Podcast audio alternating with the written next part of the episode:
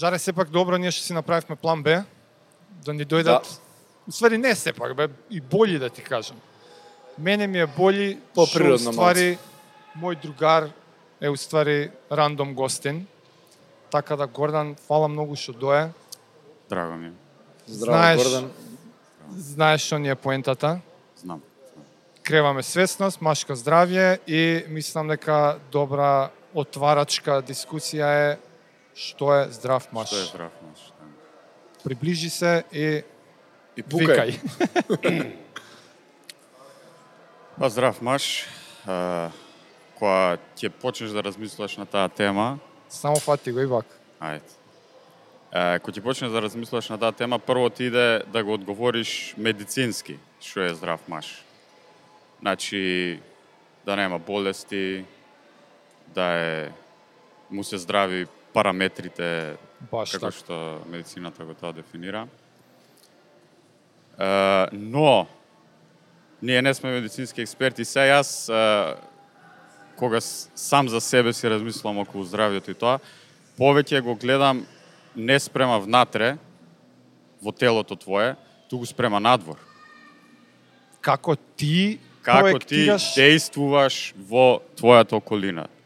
А, Или да кажеме здрав маж е способен маж. Способен да ги прави работите кои што треба во околина. Кои работи? Физички, Да, дефинитивно. фамилиарни, столб. Е, така. Значи, може, може да ги разгледаме тие работи. Ама поентата ми беше дека а, може да го гледаме према внатре, према твоето тело и ти као целина, ама мене ми е по-природно да го гледам према надвор, према твојата околина. Значи, тоа ми беше првата поента. Здрав маж е маж кој што е способен да действува квалитетно и правилно тоа што треба. Е, сега да видиме е, сега што треба? што би било тоа што треба, да. Делата што треба да ги направиш Делата да го да ги препознаш. Кога размислуваш на оваа тема, тргаш од своји лични искуства да донесуваш заклучоци или сакаш да да да прераскажеш теории кон кои што ти се стремиш да функционираш? Стално, стално за све, не, стално за све од мои лични длабоки размислувања тргам. Не, не би имал што да прераскажам некоја теорија да се фатам. Убаво би било, да може да цитирам сега некоја е, мейнстрим теорија околу тоа, ама не, ова си е мој размислување. Значи, е, ајде, да одиме што е тоа што еден здрав маж би требало да го прави во Е, ама пред да одиш, Ајде. Очигледно ќе сам себе си си имаш зададено критериуми некои Да, за кои што ти сметаш дека те прават здрав во контекстот кој што ти кажа. да. во действувањето надвор кон околината. Да. Од каде ти се критериумите дојдени за да се тераш дека треба да ги да си доследен на нив. Па, убаво кажа, сигурно дека ти доаѓаат од целиот твој живот искуството што го имаш и е, окей, гледајќи некои други кои што ти представуваат на тебе пример, мада е, пред се е првово. Во твојот живот, не, секој си трга сам од себе. Јас можам да зборам за во мојот живот, за во мојата средина, ш, е, во кои дадени моменти се осеќам доволно здрав и способен да го правам тоа што се бара од мене. Значи, првото, Ајде. под А, ми Под А. да. Е, мада, како и за све, особено за ваква биолошка тема, не би ставал у никој случај тврди критериуми. Аха, аха. Така. И мислам тоа е една од поентите на овој месец на здравје да да те стави малце у баланс, да размислиш околу тоа колку можеш да буткаш, колку можеш ти да ги ловиш тие критериуми, било какви што си ги задал, спортски, фамилиарни, интелектуални, какви да е, а у кој момент треба да направиш пауза и да одмориш, за да можеш утре па да продолжиш да буткаш. Можеш да даеш некои примери за тие критериуми?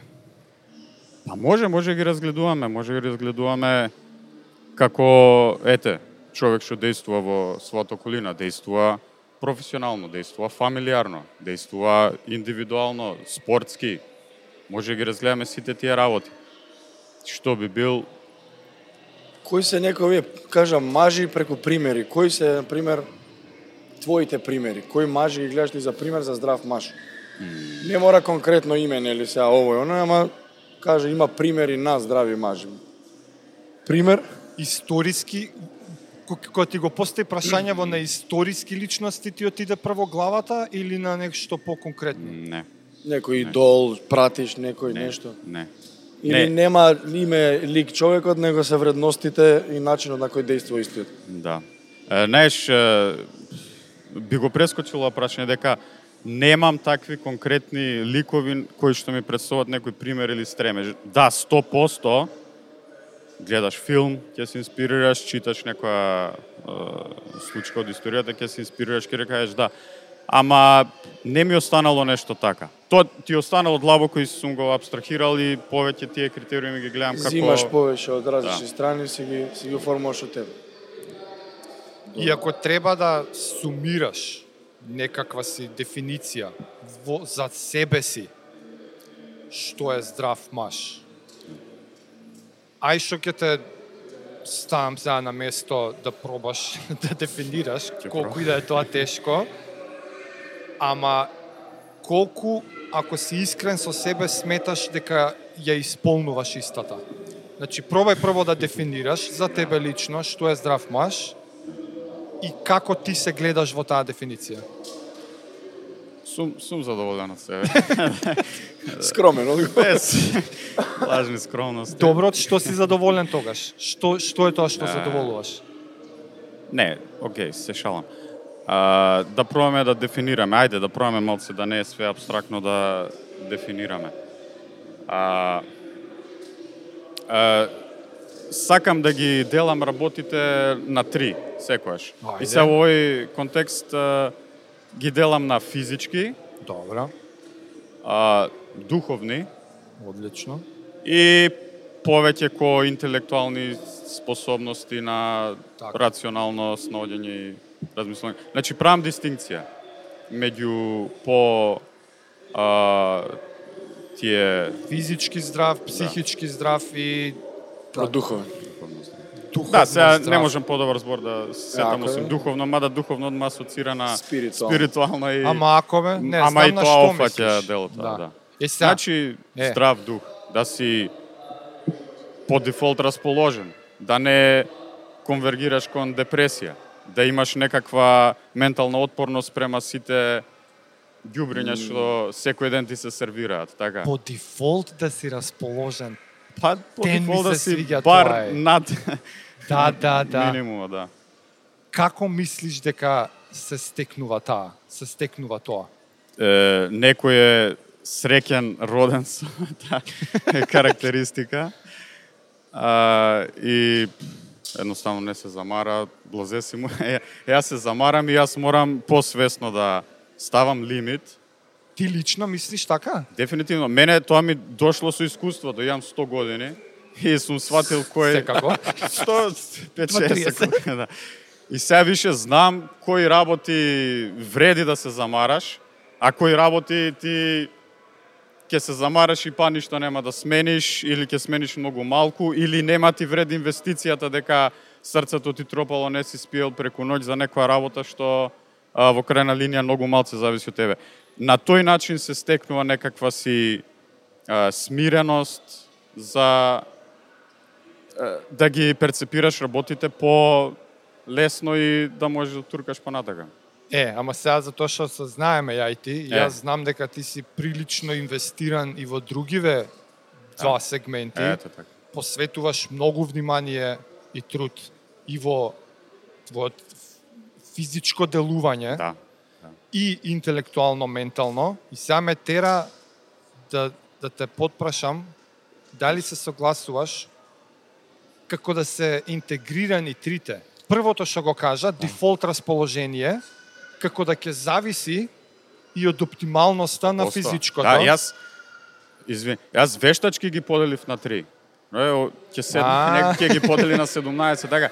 Тоа е некоја условна поделба. И секако дека тоа е една целина. И секако дека трите си влијат една на друга. Ако нели здраво тело, здрав дух, ако си физички даун, ако нешто ти фали, ако те мучи зглобот, ќе бидеш пораздразлив.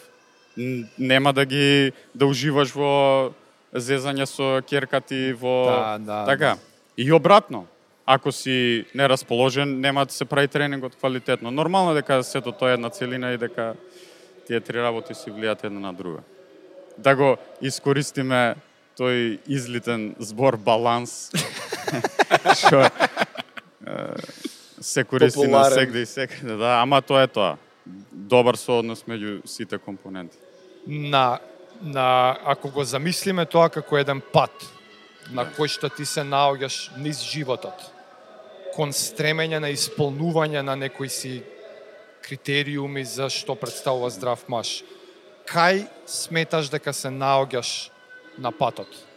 Да ти кажам, се сметам дека имам некој зацртан пат, но тој пат треба периодично да си го преобмислуваш, предизаинираш да за наредниот рок. Јас може кога сум имал 19 години, сум мислел дека ќе станам првак во Нешто. нешто, така на така. После сум го предизаинирал тој план да сега моментално сакам да сум е, целокупен маж у смисла да се грижам за моето семејство и за е, околината колку што можам да допринесувам, да се грижам и за себе си, за моето здравје и за така да. Што ти беше прашањето кол... на на тие критериуми кај мислам дека се наоѓам. Мислам дека задоволам колку што можам и се трудам секој пат повеќе, но другата страна на а, приказнава сум свесен дека треба и да од време на време намалиш, да паузираш, да видиш, да не сум претерал со буткање во Аха. било кој од овие работи и да се одмориш. Да не изгориш. Што, што и да ти е зацртано, ти не можеш нон-стоп да буткаш повеќе и повеќе и повеќе. Можеш, можеш, ама во еден момент ќе заклучиш дека не треба. Значи мора свесно да си а, даваме себе си пауза, одмор, релаксација, без никакви критериуми, за да можеш после свеж да настапиш пак и да Е па истата квази дилема ја имам и ја, оти како да има мал парадокс во во самото дефинирање здрав маж Аха.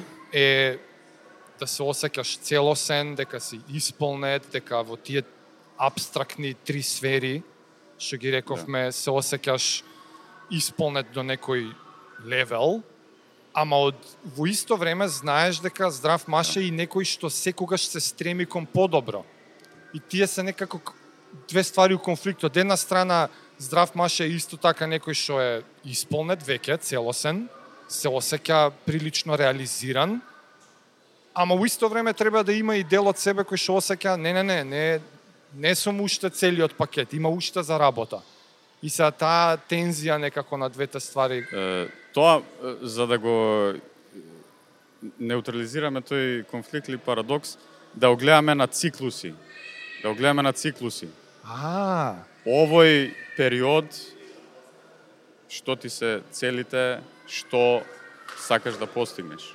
па тогаш го правиш оно смирувањето. Буткаш. И во еден момент ќе завршил кварталот и колку ти бил циклусот и ќе речеш, окей, сум успел 85 фантастични проценти.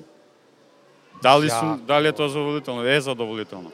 Не е задоволително. Окей, следниот циклус ќе си ги а, променам целите, ќе почнам со нови сили, нова свежина. Измеѓу тоа дај си мала паузичка, отприлика така некако. Значи ти го викаш конфликтот е ем треба да сум задоволен, ем требам да буткам. Аха. Буткај, биди си задоволен на некоја скала не, неколку, труди се да бидеш што повеќе, ама не се утепај ако не успееш и почни од ново и рециклира и почни од ново и така За секогаш. за секој. Се Гордан, превише ми се свиѓа, фала ти Ептен, стварно. Мило ми. ако имаш нешто да додадеш Па не би слободно, имал, треба да бегам. тоа е тоа, фала ти уште еднаш. Помина на ќе се аудицијата. гледаме, заедно ќе се гледаме епизода. Ајде, фала Поздрав, ви дечки фала ти, прашањата, се гледаме. Поздрав. Наредниот рандом гостин Што исто така не е рандом. среќа, за среќа и му е огромно задоволство уште еден од моите најблиски другари Мартин, таkozvani Мара, фала ти ептен што дое, стварно те поштуем. Си ја знаеш Фала. шемата која е, збориме за што е здрав маш. Може да почнам? Почиње. Секако. Па здрав маш е се што кажа бацило пред мене спротивно. Елаборирај малце. Не мора да не го допира и до толку Па микрофона. човекот сам иде на планина. Тоа е, тоа е прав муж. А, значи, Добар што е здрав добар. Некој што има убави густи бркови, пример. Право. Може и тоа да биде. Под број 1, добро. Да. Иначе, извини Мартин, он е еден од првите, што не знам колку одамна, кога се спомна Мовембар кампања, што почна бркови да пошта? пушта. Да. Ама човекот Значи, е мислам- надарен. Мислам дека мислам дека ова ми е 10 плюс година, може 2-13. Мислам дека прв пат во 2011 почнав. А, не дека идев тоаш на прегледи, ама мислам дека ваква кампања некоја што е значи преубава кафа, кампања хумана. Кафана се гледа одма. Па у кафана дека бе синека и тоа. И мислам дека може секој буквално безусловно да ја поддржува. Убава кампања, супер. Пуштив бркови реално на 30 години не ми требаше да идам по доктори по превентивни прегледи. И си ја поддржував, ама сега веќе као 40. начекав 40. И уште не отиде. И не, почнав да идам превентивно. Значи, еве ако почнеме на темата, што е здрав маж, значи здрав маж е да не филозофираме, едноставниот одговор е многу прост. Здрав маж е што е, се храни здраво, што има здрави навики, што спортува и што иде значи, на доктор и кога треба и кога не треба, значи кој има симптоми и превентивно, особено со тек на години. Тоа би било без филозофирање едноставен одговор. Ама како тоа да го направиш, сега мора малку да изфилозофираш, така. Ако Те молам. Значи, пре, Те молам. пре, пред се, мислам дека здравјето а, поаѓа од психата и од а, менталниот склоп на, на човекот. Нели викаат здраво тело, здрав дух, ама мислам дека и обратното важи. Здрав дух, здраво тело. Значи тие се као две неразделни работи, двонасечно функционираат. И мислам дека се додека имаш здрав дух, а, карактер, не знам, се додека си решителен, доследен, храбар, што се пред се особини на секој човек, ама особено кај машко, мислам дека треба да бидат поизразени. дисциплиниран. Добро, тоа се спаѓа под решителност, под, под храброст, особено доследност. Значи, за мене машко е машко што си стои на збор. Е. Кажуваш и по, по секоја цена. Значи, нема, не, нема, нема тука работа или човек или било што што може да те предомисли. Кога ќе го кажеш зборот, треба тоа да биде збор. И од тука натака веќе се следува. Следува и дека ако си ако ги имаш овие особини дека ти а, не знам, ќе ќе вежбаш која која мора кажеш ќе- а, значи ќе не знам ако треба да идеш да се прегледаш дали превентивно дали не превентивно ќе идеш нема да да се не знам да, да ти е срам од што ќе кажат другиве или било како дека ја поише страф упраша и не е срам. па и, некоја некоја да не ми мислам најдат дека да не ми квази најдат нешто, разбираш? мислам дека е да и страф а и, и некој Што ќе одам, квази може ќе ми најдат нешто. квази квази мачо а, Тоа баш. кај, кај нас разбирање дека ако идеш не знам на особено ако идеш преглед на, на простата тие тие не се баш така пријатни е така Од искуство кажу. Да еве мислам ја Беше бе стварно? да и тоа пред две години Е, па ти Да. си ептен значи превентивно. на 30 години на 38 години отидов а, ете така Све окей. Значи, се, се е окей, ама ете, а, после толку години, нели, И што е советот за понатака? Па, вака, според мене, до, Еднаш годишно на две на пет вака, како е? според, според мене, до 40 години, мислам дека не мора да идеш на превентивни прегледи.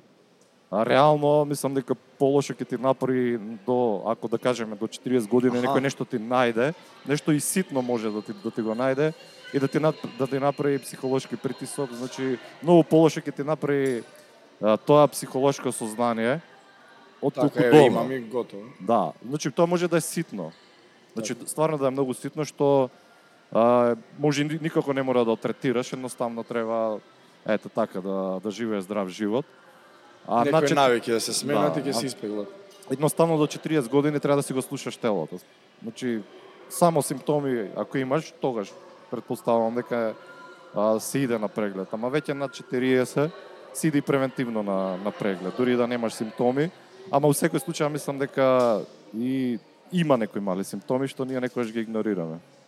А на колку време те советуваа да доаѓаш? Еднаш годишно се оди, на две? Па не е дека некој ме советува, едноставно ова е како лекар. соберено, соберено а, значи не знам, школа од, од сите луѓе. Аха. И тоа е некој мој НЗС, значи едноставно по, повеќе тоа е како некоја моја измислена граница. Е, до 40 немаше да се замарам со превентивни прегледи со Уште сум млад. Уште сум. Ама на 40 мислам дека е веќе убаво. Мислам, реално гледано е, кога ќе земеш и спортистите веќе од 35 до 40 се пензионираат, значи Така. телото веќе не е, не е у максимална форма. Веќе кога не е у максимална форма, треба и што повеќе да вежбаш. Ја реално почнав да вежбам прв пат у живот пред година и пол. До пред тоа сум играл само вако мало. И тоа, другар? и тоа дека го повикав Да, и на подкаст. нај- Највеќе ради ради томе. со име и презиме, го повикав, го прозвав. И Мартин почна? да идеш на ATG и нема прекинат. Да, ме кодошеше нешто емисијата, не ми Мада фака, текна. нема прекинат. Браво. Да. Ја за момент сакам да те вратам на вредностите што ги набра преска, дека се согласувам скрос и ми се свиѓа што отиде таму, доследност, решителност и тие ствари. Прашањето ми е од кај сметаш дека ги имаш тие in the first place? Genuine. Па, мислам сега, па, пак ако земеме едноставно да одговориме, тоа е, е како кај секој човек имаш пре- пред се некоја генетска конфигурација. Не, не, не, збориме, мислиш дека те воспитале така, мислиш дека па ги тоа- наследуваш, да, мислиш значи, дека се Тоа, трет... тоа, Не. тоа тргнав натака, значи пред се е генетска конфигурација а, и околината, така, значи као си не знам, мислам на мене нешто ми... Што сакаат? Ми Им, ми- имаш фанови. Да, имаш да. фанови. А, значи генетска конфигурација, нели, наследно, не наследно нема врска и околината, околината, нели, пред се првин семејството, Добро. а, семејството, не знам, кај мачкото, таткото е како рол модел, како се вика тоа. И нели околината, Е. другарите, значи Така да, и сега следствено е, ако тие вредности, што се согласуваме сите, се дел од здрав маж, прават еден здрав Да. маж, ако зависат од фактори како околина, а околината се менува, дали со тек на генерациите може имаш и забележано да полека се менуваат овие вредности и карактеристики и да не има ризик да се изгубат или да се сменат комплетно. Знаеш како, значи, да, околината може да те учи како треба и како не треба. Е, ама кој е тој што кажува како треба, како не треба? Па, ете, како што кажав, нека ти, може би генетската, генетската конфигурација е исто така битна ти како ќе го ќе го примиш влијанието од страна. Значи некој некое влијание ќе го може ќе го ќе го утепа, ќе го ќе го спушти, некој може па ќе го измотивира, ќе го крене. Значи Сепак Тоа- индивидуално. Индивидуално, ма што значи тоа? Тоа е пак генетска конфигурација или талент, како што имавте една нели емисија за талент. И Значи- прати, бро. Па да, прат, Прати пратам како, таа и цела изгледа. И тоа, тоа е, мислам, Оти мојот став е, сепак имам некое чувство, некои од овие вредности, ај може не се губат, ама како да бледнеат, и бар мојата поента со овие напори е да подсеќаме народ дека не треба да ги забораваме да, и да не ги прифаќаме здрави за готови. Ако, ако ги кажуваме дека се традиционални, нема они по дефолт да си се пренесуваат од генерација Да. да. генерација. Да, да, да. Некој мора да ги повтара Мора да за ги да пренес. останат традиционални. И мислев да не имаш мислење и став за тоа, односно Па- колку ти се трудиш да ги пренесуваш истите вредности и понатак. па се согласувам, да. Значи, за да тоа се почитува спроведува, треба ете така да го направиме како традиција. Значи, кај нас првин треба да се направи традиција уште од не знам, од 6 години, уште од прво оделение да првин да се вежба, така.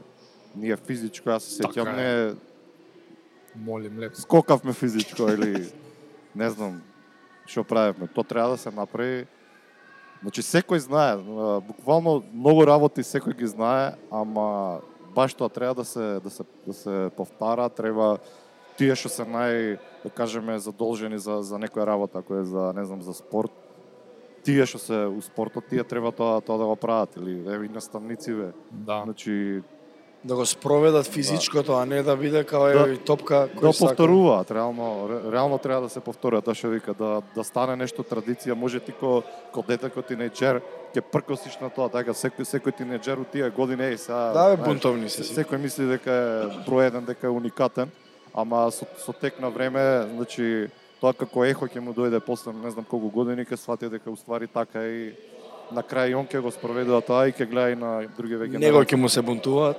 Да, да, и Така ќе у ќе круг. ќе гледа и он тоа да го на други. Ама тоа тоа е согласен така, треба ако може таа работа да се направи како традиција, така би било најубаво. Многу ми се свиѓа ова сега што го кажат, ќе му остане како ехо. И мислам дека е преубав начин да го завршиме нашево кратко Што да, разговорче. што да правам, инспирирате, не знам. Мартин, фала ти Ептен, стварно Ептен, ти реков те поштоем, фала што дое. Фала, и Мартин.